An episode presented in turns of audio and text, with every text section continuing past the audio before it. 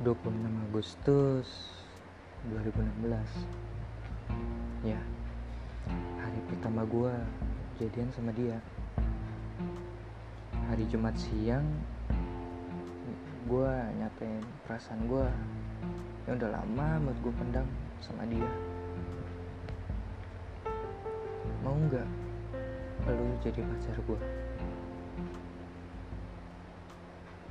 Dan dia tersenyum Dengan lembut, dia berkata, "Iya, gue mau."